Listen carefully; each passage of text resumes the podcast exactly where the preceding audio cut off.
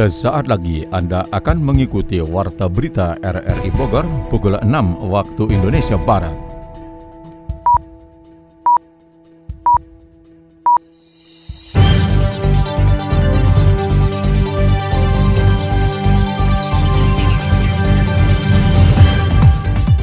Selamat pagi. Saudara, Warta Berita RRI Bogor akhir pekan Minggu 8 Mei 2022 kami isi dengan rangkuman berita sepekan. Siaran ini dapat Anda dengarkan melalui aplikasi RRI Play serta turut disiarkan Radio Tegar Beriman Kabupaten Bogor. Bersama saya Mukhlis Abdillah, inilah rangkuman berita sepekan selengkapnya. Saudara, rangkuman berita sepekan kita awali dari lapangan Sempur Kota Bogor, di mana setelah dua tahun absen karena pandemi COVID-19, sholat Idul Fitri kembali digelar di ruang-ruang atau lapangan terbuka di berbagai tempat termasuk di Kota Bogor. Pada Idul Fitri 1443 Hijriah atau tahun 2022 ini, untuk tingkat Kota Bogor, sholat Idul Fitri digelar di lapangan Sempur bertindak selaku imam sekaligus hatib Sekretaris MUI Kota Bogor yang juga Ketua Dewan Masjid Indonesia DMI setempat Ade Sarmili diikuti antara lain Wali Kota Bogor Bima Arya dan wakilnya Dedi A. Rahim. Sebelum pelaksanaan sholat Idul Fitri, Bima mengatakan setelah satu bulan penuh berikhtiar menjalankan ibadah pada bulan suci Ramadan, menahan hawa nafsu dan menahan diri dari segala godaan, impian dan cobaan, serta berikhtiar menyatukan kata dan perbuatan, tibalah bagi warga kota Bogor umumnya dan umat Islam khususnya menyambut hari kemenangan dan hari kebersamaan. Hari kemenangan saat Hari Raya Idul Fitri 1443 Hijriah ujarnya merupakan hari kemenangan dalam mengendalikan pandemi COVID-19 kepada semua pihak yang terlibat dalam pengendalian pandemi COVID-19 di Kota Bogor, Bima menyampaikan apresiasi mulai yang bertugas di garis terdepan hingga yang bertugas menyampaikan edukasi serta sosialisasi. Sementara itu, Kepala Bagian Administrasi Kemasyarakatan atau Adkesra Setda Kota Bogor, Adi Novan selaku PLT Ketua Baznas Kota Bogor menyebutkan total penerimaan zakat, infak, dan sodakoh Ramadan 1443 Hijriah serta dana keagamaan sosial berjumlah 10 miliar 694 juta 885 ribu rupiah dengan rincian penerimaan zakat mal 2 miliar 644 juta rupiah, untuk penerimaan zakat fitrah 7 miliar 114 juta rupiah, penerimaan infak dan sodakoh 930 juta 700 ribu rupiah, dan dana keagamaan sosial lainnya berupa fidyah 6 juta 650 ribu rupiah. Dalam khutbahnya, Ade Sarmili mengajak umat muslim dan warga kota Bogor untuk bersabar atas ujian dan senantiasa terus bersyukur atas nikmat dan karunia Allah subhanahu wa ta'ala. Alangkah indahnya jika kaum muslim pada 11 bulan ke depan mampu menahan lisannya dan menahan amarah agar tidak mudah mencaci dan memaki orang lain. Desbudpar Kabupaten Bogor mengingatkan masyarakat yang berkunjung ke tempat wisata untuk tidak lalai dalam menjalankan protokol kesehatan. Berikut catatan Adi Fajar Nugraha. Pemerintah Kabupaten Bogor mengantisipasi terjadinya lonjakan kunjungan tempat wisata saat libur lebaran Idul Fitri 1443 Hijriah. Meskipun ada sejumlah pelonggaran aturan, tetapi masyarakat harus tetap waspada dengan penularan COVID-19. Kepala Dinas Kebudayaan dan Pariwisata Kabupaten Bogor Deni Humaydi mengatakan, Bogor merupakan daerah tujuan wisata primadona bagi masyarakat saat libur lebaran. Meski menjadi kesempatan besar bagi geliat dunia pariwisata dengan lonjakan kunjungan, namun penerapan protokol kesehatan tetap harus diutamakan. Bogor harusnya kedatangan, kedatangan mudik, kedatangan wisata. Tetap, yang pertama prokes, yang kedua waspada, terutama di tempat-tempat wisata, objek wisata yang berbahaya, curug yang ada warna air dan seterusnya kita. Adanya pelonggaran kebijakan penanganan COVID-19 saat libur lebaran ini, masyarakat tidak boleh terlalu euforia dan lalai dalam menerapkan prokes di tempat wisata. Disebut para Kabupaten Bogor bersama Satgas COVID-19 pun akan memantau penerapan prokes di tempat-tempat wisata yang berpotensi menimbulkan kerumunan seperti curug, kolam renang, dan wahana air. Kementerian kita mulai kita keliling. Artinya sampai secara administrasi maksudnya kita juga akan monitor Artinya kita gabung juga dengan Satgas tapi kami tim internal juga kami bentuk.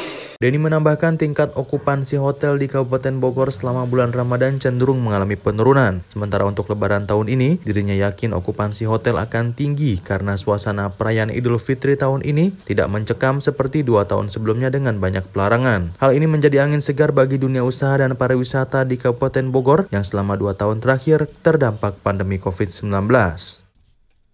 3.609 warga binaan Lapas Paledang Kota Bogor mendapatkan remisi Hari Raya Idul Fitri 1443 Hijriah seperti dilaporkan Sony Agung Saputra. Warga binaan Lapas Paledang mendapatkan remisi Hari Raya Idul Fitri 1443 Hijriah. Dalam agenda pemberian remisi tersebut berlangsung dengan adanya penyerahan berkas pemotongan masa tahanan itu kepada warga binaan dari petugas Lapas Paledang saat berlangsungnya sholat Id Idul Fitri. Kepala Lembaga Pemasyarakatan Paledang Bogor Waskito mengungkapkan dalam remisi kali ini sebanyak 609 warga binaan mendapatkan remisi dengan besaran pengurangan masa tahanan bervariatif dari mulai 15 hari hingga 2 bulan. Mereka yang mendapatkan masa tahanan tersebut sudah memenuhi syarat dengan salah satunya berkelakuan baik dan sudah menjalani prosedur masa tahanan yang telah ditentukan. Syarat untuk mendapatkan remisi pertama ya pastikan berkelakuan baik tidak ada pelanggaran. Kedua, mereka sudah minimal menjalani enam bulan. Diberikan pada yang muslim.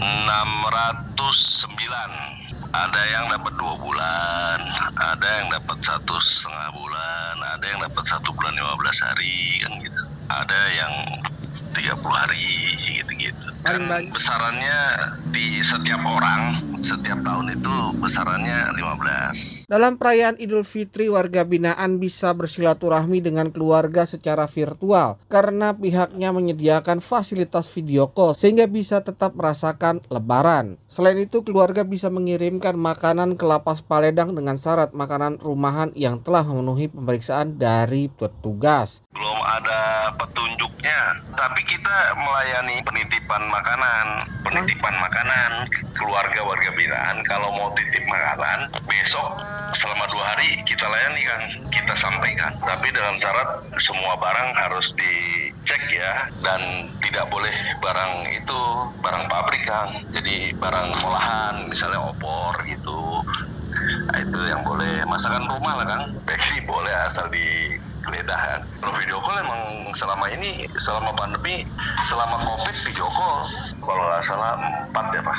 Hmm. Selama ini ada kok, artinya nggak nggak hari raya aja. Ya. Kita juga pelayanan itu oh. yang pengen video call kan banyak. Jadi mungkin dibatasi lah 15 menit atau 10 menit lah gitu. Pembinaan warga binaan selama bulan Ramadan juga berlangsung dengan berbagai kegiatan rohani untuk bisa meningkatkan keimanan dan ketakwaan agar saat kembali ke masyarakat sudah menjadi jati diri yang baru dengan tidak mengulangi perbuatan di masa yang lalu. Satpol PP Kabupaten Bogor menggandeng Satlinmas Wilayah mengamankan Idul Fitri 1443 Hijriah khususnya di jalur wisata. Adi Fajar Nugraha menurunkan laporannya.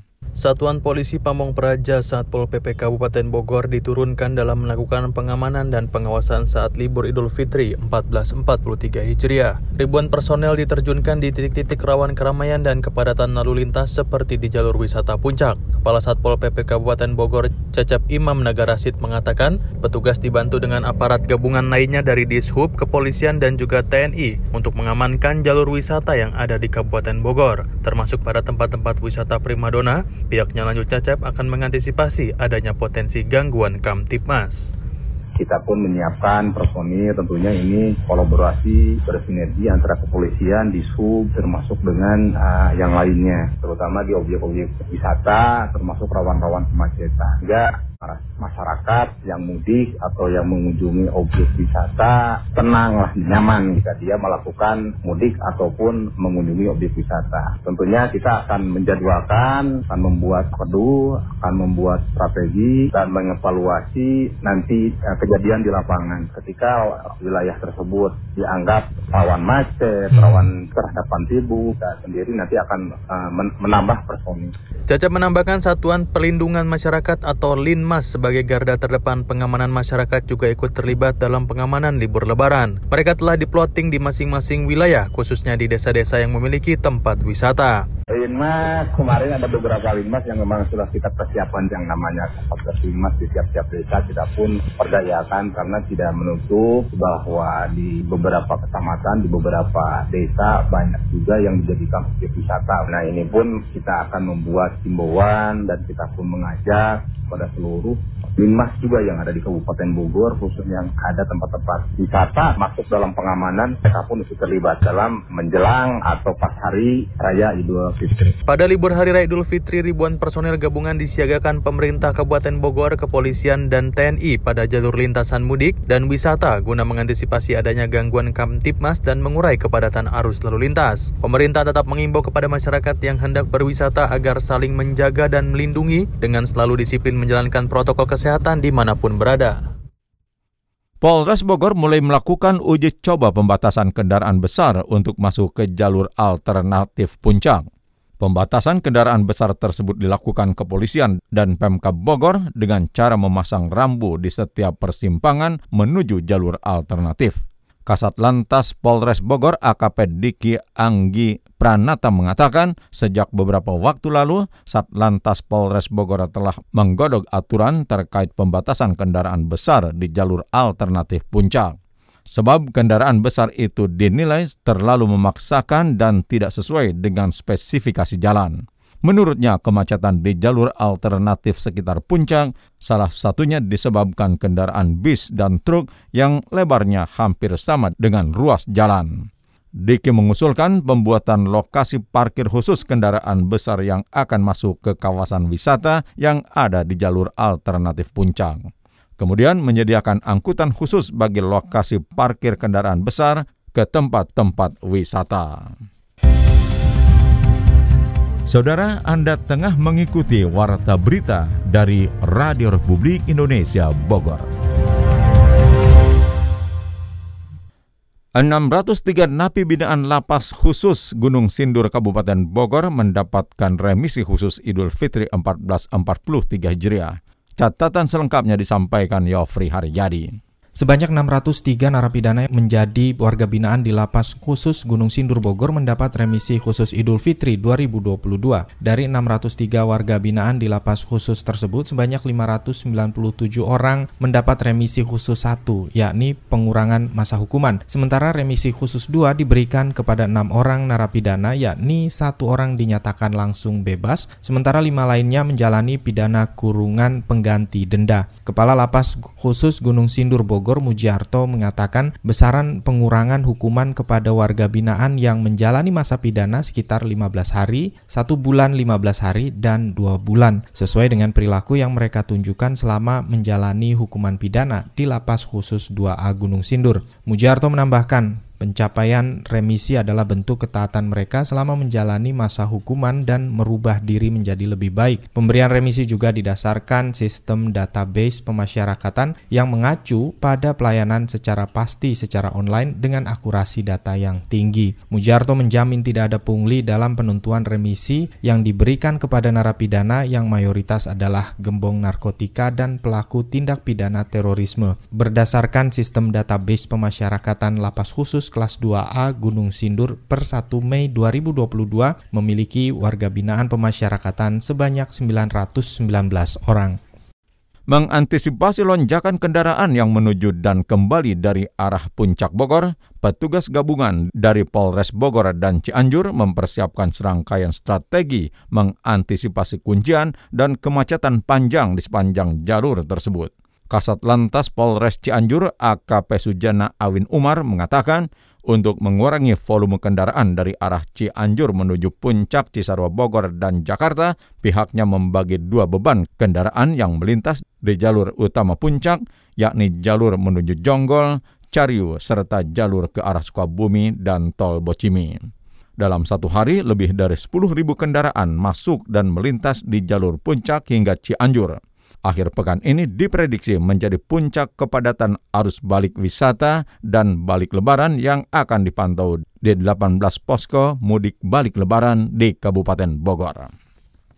Seorang wisatawan nyaris tenggelam di pantai Karanghawu, Kecamatan Cisolok, Kabupaten Sukabumi, seperti dilaporkan Adi Fajar Nugraha. Sebuah video viral berisi detik-detik wisatawan nyaris tenggelam di pantai Karanghawu, Kecamatan Cisolok, Kabupaten Sukabumi beredar di media sosial. Kapolsek Cisolok AKP Aguk Husnaini menjelaskan, wisatawan tersebut berasal dari Cikarang, Kabupaten Bandung yang tengah berlibur di Kabupaten Sukabumi. Kejadian itu bermula saat korban bernama Sopian, 30 tahun, tengah asik selfie di pinggir pantai Karanghawu. Saat hendak mengabadikan momen, ombak besar pun datang menghantam korban hingga menyeretnya. Beruntungnya wisatawan tersebut berhasil diselamatkan lantaran langsung mendapat pertolongan petugas petugas yang berjaga di lokasi. Aguk menambahkan wisatawan tersebut mengalami luka-luka akibat terseret ombak dan mengenai karang. Berkat kesigapan anggota pos pelayanan wisata Karangkamu, warga tersebut terselamatkan.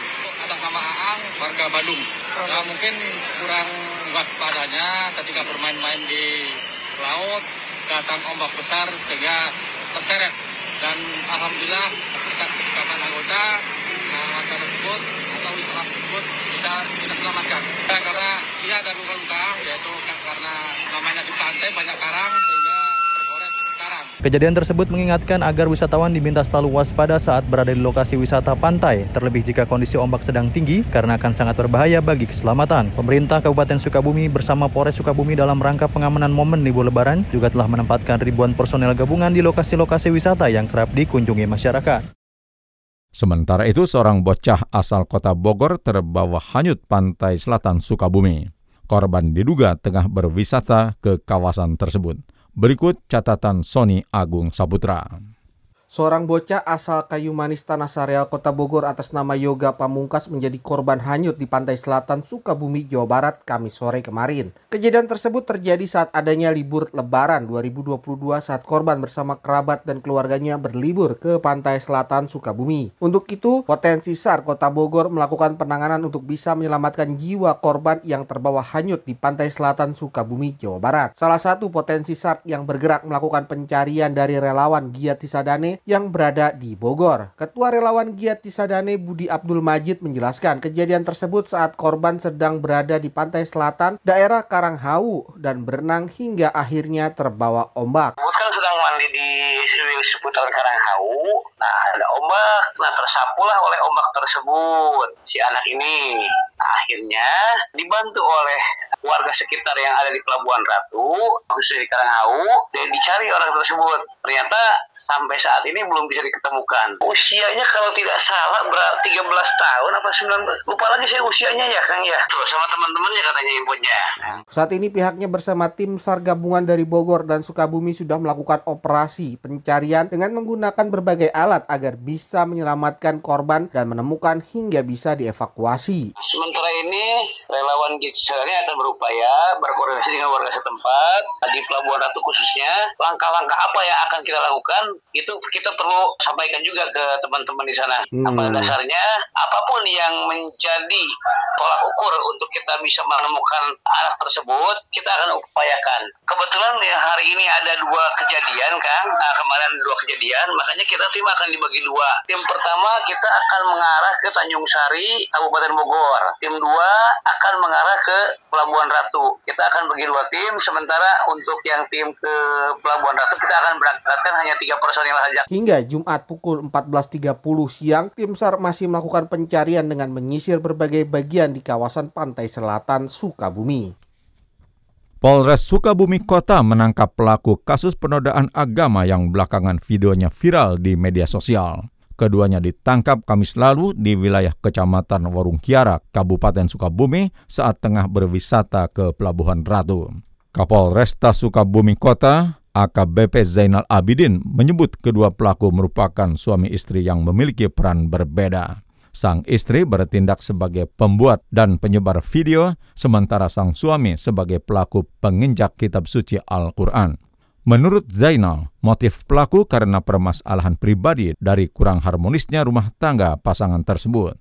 Keduanya memiliki pemahaman agama yang kurang sehingga menjadi salah satu alasan mereka melakukan perbuatan tersebut. Kedua pelaku CER 25 tahun dan SL 24 tahun kini harus mempertanggungjawabkan perbuatannya. Keduanya memenuhi unsur pidana sebagaimana diatur dalam pasal 28 ayat 2 jungto pasal 45A ayat 2 Undang-Undang RI nomor 19 tahun 2016 tentang perubahan atas Undang-Undang nomor 11 tahun 2008 tentang informasi dan transaksi elektronik atau ITE dengan ancaman hukuman 6 tahun penjara. Mereka juga disangkakan pasal 156A KUHP tentang penodaan terhadap suatu agama yang dianut di Indonesia dengan ancaman hukuman 5 tahun penjara.